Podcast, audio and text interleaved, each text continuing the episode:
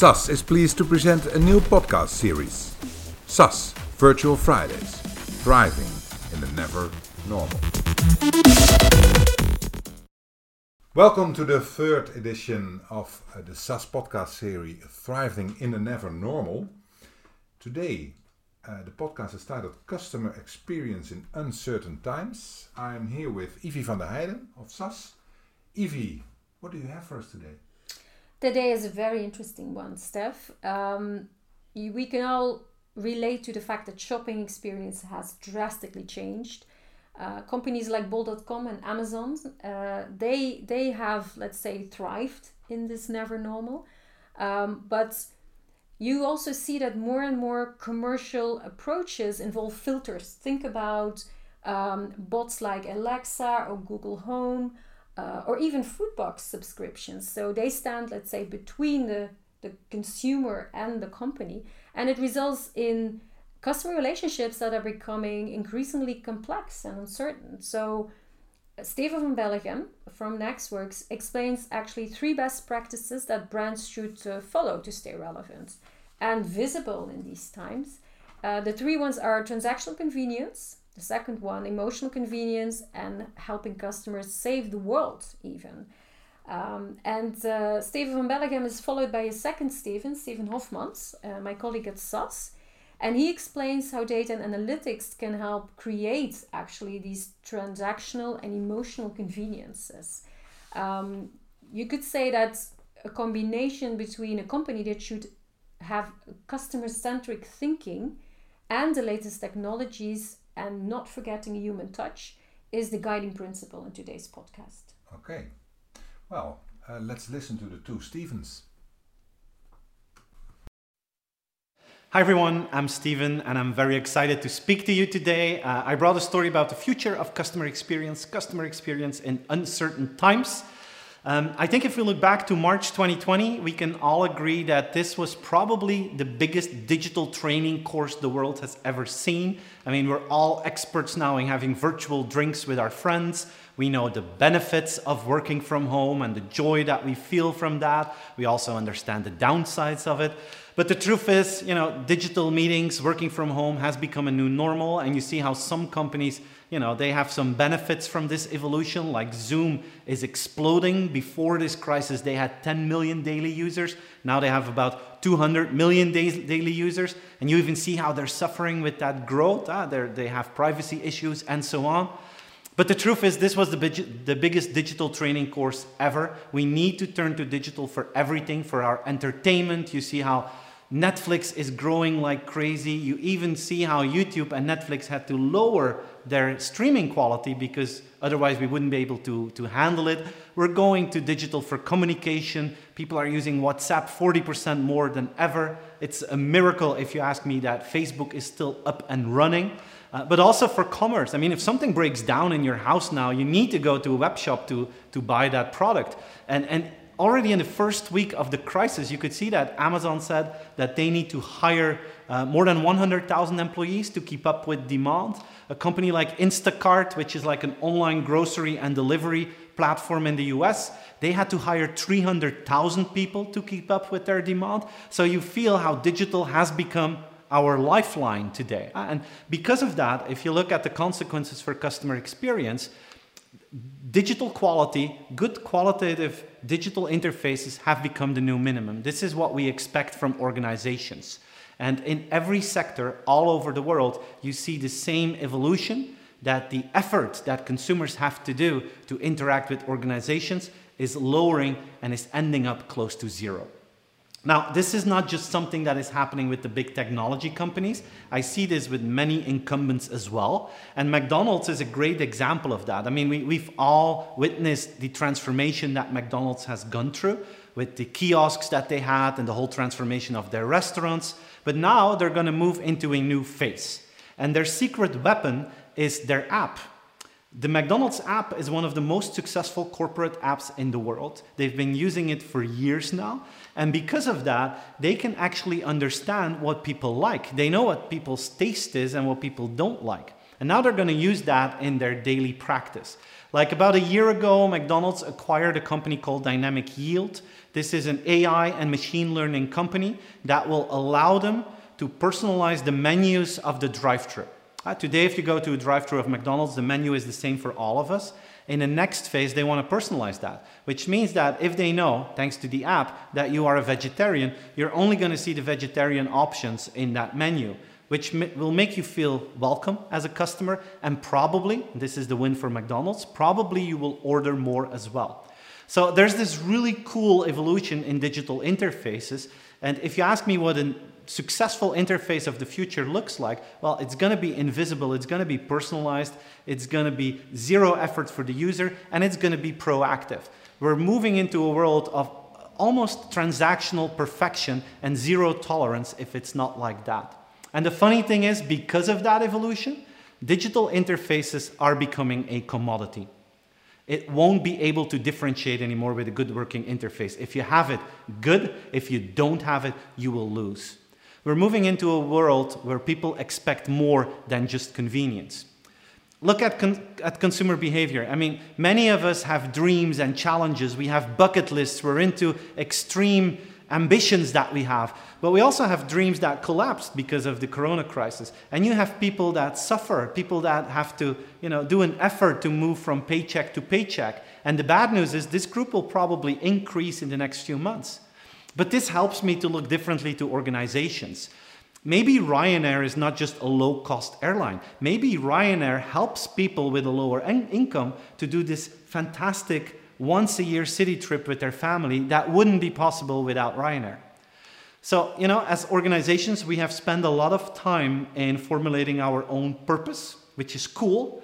But I think in the next phase, we need to figure out how can we facilitate the purpose of the customer? How can we make sure that people achieve their dreams and ambitions and how we can remove their fears? And I think this is a point where we're going to make a flip from just focusing on a customer journey, where you focus on your own process, making a flip from a customer journey to a life journey, where you're not wondering about what is wrong in your process, but you're trying to understand what is wrong in the life of customers and you're trying to help there to make them succeed in their dreams and remove their fears. So you already see how big companies are changing their mission statement. Like take Google, for instance. Um, we all know the old mission statement of Google. We are trying to organize the information in the world. This has changed now into we want to make people's day to day life as easy as possible. And you feel how organizations are making that flip from gadget thinking to you know, full customer solutions and understanding the issues that people have in their day to day life, understanding the human behavior behind the customer. And I'm, for instance, charmed by this example here by, uh, from Procter & Gamble, uh, from Pampers they were wondering what are all the issues that people have when they have a newborn in their house. Uh, and it's easy to list that. They hope that the baby will sleep well, that it still breathes, that it eats enough, and that it uses the toilet enough. Um, and it would have been very easy for Pampers to, to just make a smart, intelligent diaper, which they did but they went further than that. They tried to solve all those issues. So they made a smart mattress, a smart camera. They monitor everything that is happening with the newborn. They're putting that into a nice overview in, in one single app that people can look into. And because of that, parents are more relieved. They don't have to worry that much. And of course, what they're also doing is setting up a subscription model with the end user that they can buy diapers directly from Procter & Gamble. So Procter & Gamble doesn't need the retailer anymore. Procter & Gamble is collecting a huge amount of information about the day-to-day life, which helps them to move into maybe even new services in a later stage of the life of those parents. But you feel how they're moving into this new phase where they're trying to solve all the issues that people have in their day-to-day life. We're moving into a world where people expect more than convenience. That's one dimension. A second dimension are the worries that people have about the planet. I think we're going to see this flip in marketing. And in the past 10 years, the buzzword for marketing was authenticity. We wanted to have authentic brands. I think that will change into responsibility. We want to have companies that make the right choices because the, the world is facing some issues. Oh, we had the coronavirus that caught us by surprise, but already here you see the tension between the healthcare issues versus the economical issues. Oh, we're, we're facing really important challenges. And there, there are more of them. That's not just healthcare, it's also the environment. The climate issue is not gone because we have corona now. And the question is, how will companies deal with that? And I think organizations will have to focus on that more. And there's a big opportunity here. Like, I'm very optimistic about the trade offs in the world. If you look to the world today, I think many of us have still trade offs. We have to choose every single day. We have to choose between privacy and convenience. We have to choose between buying cheap products versus products that were created in an ethical way with good standards. We have the trade off between doing well for the planet versus doing the things that I really like. I think in the next phase of customer experience, it will be important as an organization to remove those barriers. Let's take one example the, the trade off between doing well for the world versus doing well for myself. Um, like me personally, I like meat, I like to eat a good piece of meat, uh, but I know that it's bad for climate and I know that it's bad for my personal health. How do we solve that? Well, I'm, I'm really thrilled by companies like Impossible Foods, which are companies that make plant based meat. They create the meat sensation for meat lovers, so they're not targeting vegetarians, they're targeting people like me that like meat but they create the healthy and good for climate version of that. And these companies are in their very early stage, but now you feel how they're getting traction and how they're growing. Like Impossible Burgers is now working together with Burger King, for instance, which allows them to grow rapidly. Um, you can also find Impossible Burgers now in US supermarkets. So you feel how these companies are moving into a next phase. And I know it's still early days, but add three years to that, add five years to that, add 10 years to that, and who knows what the world will look like. But that evolution is removing the trade offs from the world. We're moving into a world where customers have new expectations that go beyond convenience. I'm convinced if we will look back 10 years from now to successful companies, I'm sure that we're going to see companies that were focusing on creating new customer experiences by using new technologies like AI, 5G, and robotics. Companies that are focusing on the personal dreams and hopes that people have, and companies that make responsible choices for the planet. That combination will create the future of customer experience, making that flip from customer journeys to life journeys, making that flip from authenticity to responsibility. And if you combine that with strong digital interfaces, you can create an offer customers can't refuse. And that's my vision on the future. Combine those assets, create the offer people can't refuse. This could be the future of customer experience. As Evie announced in the introduction, we will now going to listen to Steven Hofmans on how data analytics help create transactional and emotional convenience. As Steven and Peter explained previously, we are part of a massive change and moving to a never normal world with different seismic shocks. Today we are experiencing the biological shock, which from customer experience perspective results in two things. On the income side, we are having financial uncertainty. I have potentially less income. How will I be able to pay my bills? Main request here is can you help me with my financial situation? On the spend side, the way we shop today is totally disruptive. Online shopping slots for the pick at home or delivery are maxed out. If you want to go to a grocery store, you need queuing. And a lot of us with kids are experiencing what I call the all time all the time kids moment home office with kids, shopping online with kids, and playing with kids.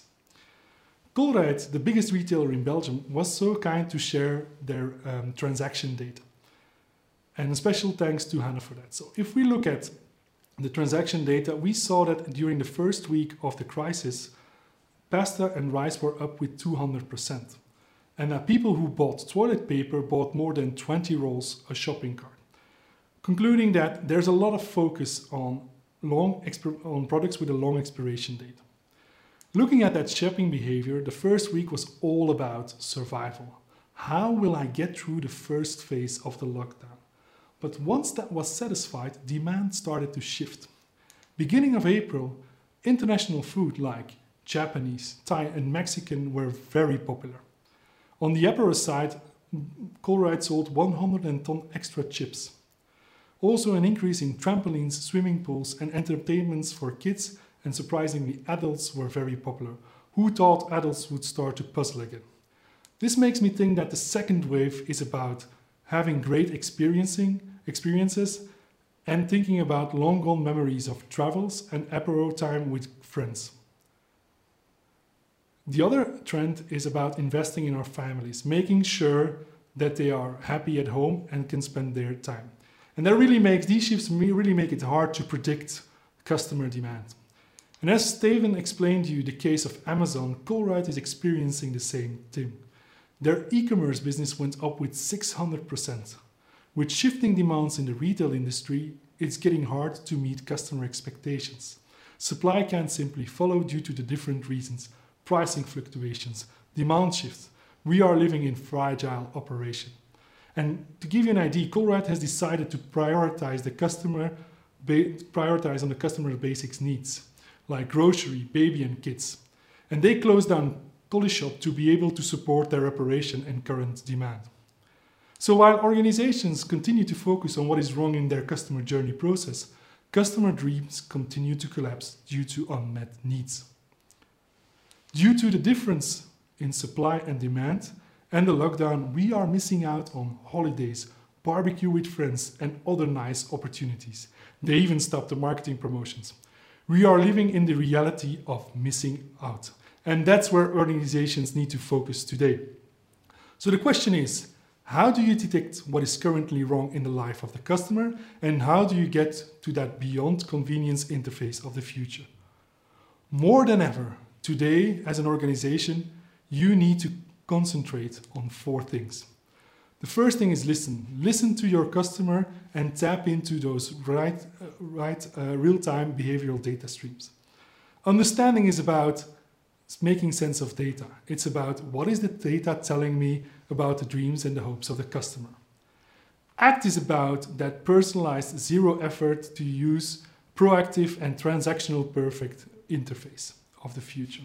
Now we have the last point automation. Automation is key to survive in a constantly changing environment. If your organization is not ready to auto detect and adapt to fast changing demand, the next few years you will probably be, run, be out of business. In order to capture those dreams and hopes, you need to listen to your customers on the different interaction channels. As an organization, you need to ask yourself what is the expiration date of your customer data? Demand, hopes, and dreams are shifting so fast that it's hard to keep up with the customer needs, and you need to rely on that streaming data. Streaming data is real time data that holds the clues to what customers want. Streaming data can come in many forms mobile, network usage data, IoT data, and clickstream data.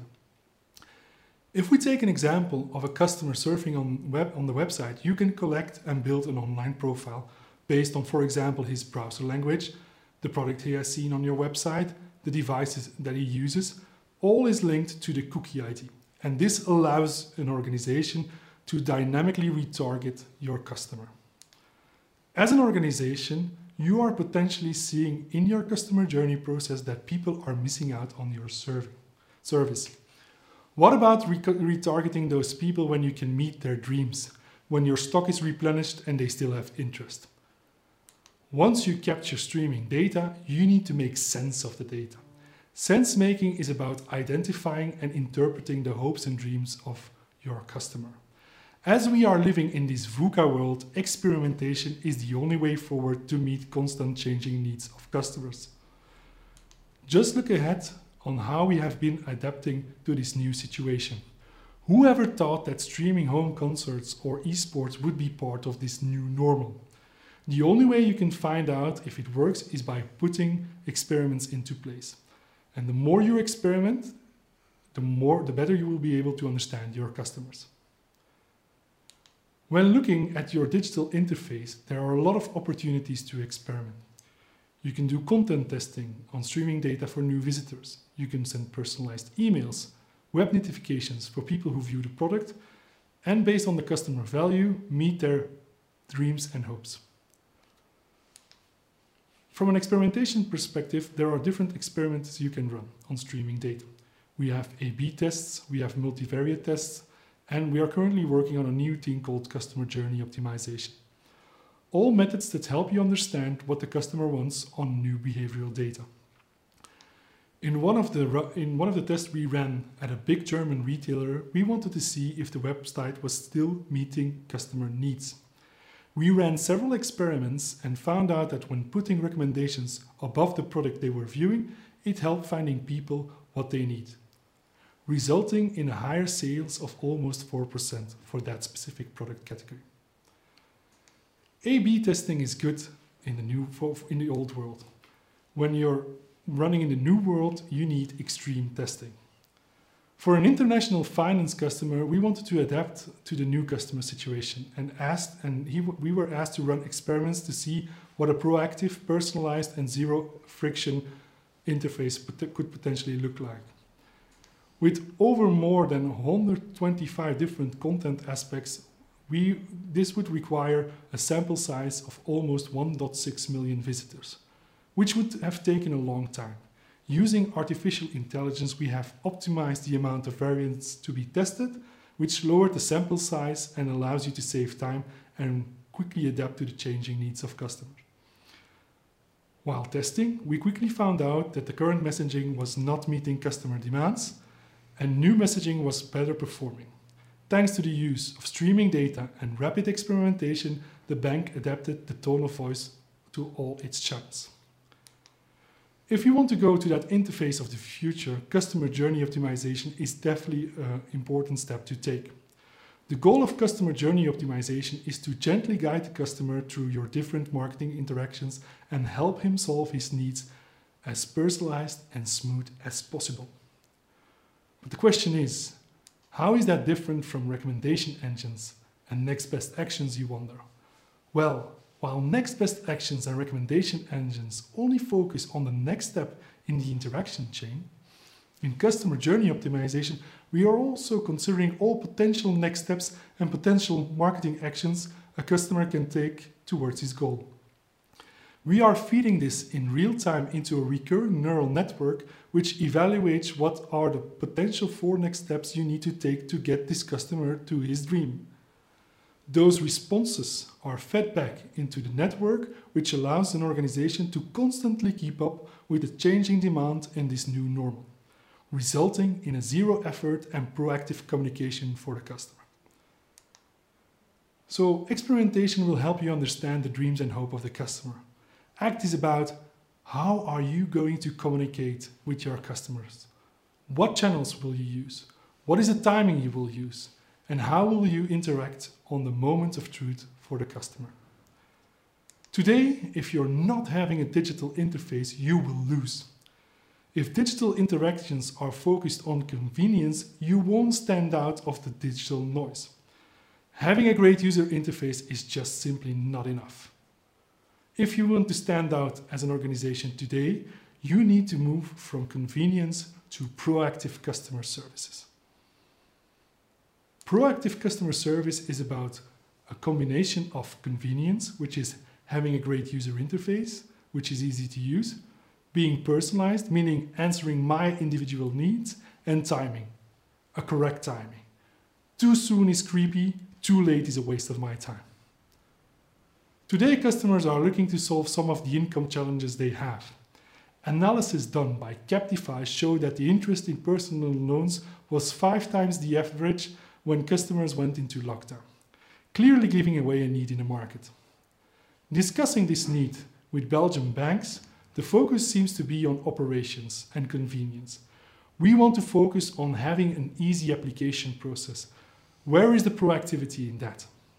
Today, technology allows you to track a customer's income and spending patterns, see if he has a lower income, and proactively offer help in the form of a short term credit or a financial advisor to help you restructure your financial uh, assets. In a reaction to what the bank said is, we are afraid that it would be perceived as aggressive and it would give us a bad image. Sensitivity and proactivity go really hand in hand. The wrong tone, tone of voice, the wrong timing, the wrong channel could have a major impact on the customer experience. But as an organization, you should have a mindset to be reaching out proactively to your customers. One of the things we have developed to solve this problem is the segment profiler. It auto detects new segments in your streaming data and helps you identify which persons are ready for proactive communications and which not. Based on the characteristics, you can personalize your communication strategy.